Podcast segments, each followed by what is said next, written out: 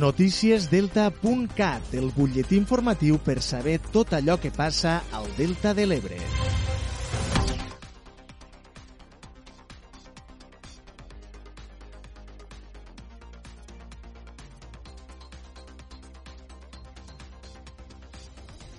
L'Ajuntament de Deltebre ha presentat a l'alumnat de les escoles del municipi el joc del Tebre Recicla, una eina pedagògica per a fomentar el reciclatge entre els més menuts. La presentació es va fer ahir a l'Escola Sant Miquel de Deltebre. Ens ho explica Diana Mar. Deltebre presenta el joc Delta Recicla al Col·legi Sant Miquel. El consistori ha posat a l'abast dels seus centres educatius aquest nou recurs didàctic per a promoure el reciclatge amb l'objectiu d'ensenyar a gestionar els residus de forma entretinguda mitjançant 55 cartes amb il·lustracions personalitzades i 5 minicontenidors, un per fracció de recollida selectiva. El joc, elaborat amb un llenguatge inclusiu, consisteix en classificar els residus en les diferents fraccions, tenint present que, a més a més, també hi ha residus trampa, que són els que s'han de portar a la deixalleria o punt verd. L'alcalde del Tebre, Lluís Soler, ha explicat que aquesta és una més de les diferents accions i campanyes de sensibilització que estan efectuant per impulsar el reciclatge i a la vegada per neutralitzar l'emergència climàtica. Lo important és que els xiquets i xiquetes des de 20 minuts aprenguen i s'impregnen de la necessitat del reciclatge no? i de tot el que és la conscienciació ambiental, però sobretot que això també pugui ser un punt de sortida per a que les famílies poguéssim estandarditzar i poguéssim eh, treballar conjuntament amb els nostres eh, fills i filles el que és l'àmbit eh, de l'educació ambiental i de lo que és l'acció la, ambiental eh, pròpiament dita. No? Eh, a Deltebre i al Delta pues, vivim de forma molt directa les conseqüències de la, de la canvi climàtic, de l'emergència climàtica.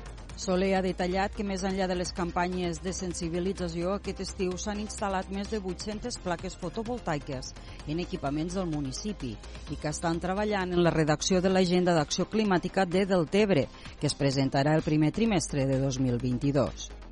Per la seva banda, el tinent d'alcaldia del Tebre Projecció, Carlos Serra, ha explicat que aquesta eina és un recurs més que posen a l'abast del professorat per tal de sensibilitzar els xiquets i xiquetes. Estem davant d'un repte de cara als xiquets i xiquetes i de cara a la joventut del nostre municipi doncs, per a que poguéssim ser conscients d'aquesta realitat, d'aquest canvi climàtic, d'aquest delta que estem vivint, que alhora és molt fràgil i que també hem de preservar i hem de continuar protegint i d'aquesta manera doncs, sent conscients de la realitat i que cada vegada poguéssim ser més conscients de que poguéssim reciclar i que poguéssim pues, eh, respectar i protegir el medi ambient. Aquesta acció forma part de les diferents iniciatives que des de l'Ajuntament de Deltebre, conjuntament amb Innova, Coptàlia i Fornos Contenidors, es realitzen per fomentar el compromís mediambiental entre les generacions més joves. Sant Jaume habilita dos punts de suport per a obtindre el certificat Covid-19 l'Ajuntament de Sant Jaume d'Enveja ha habilitat dos punts de suport per a facilitar el tràmit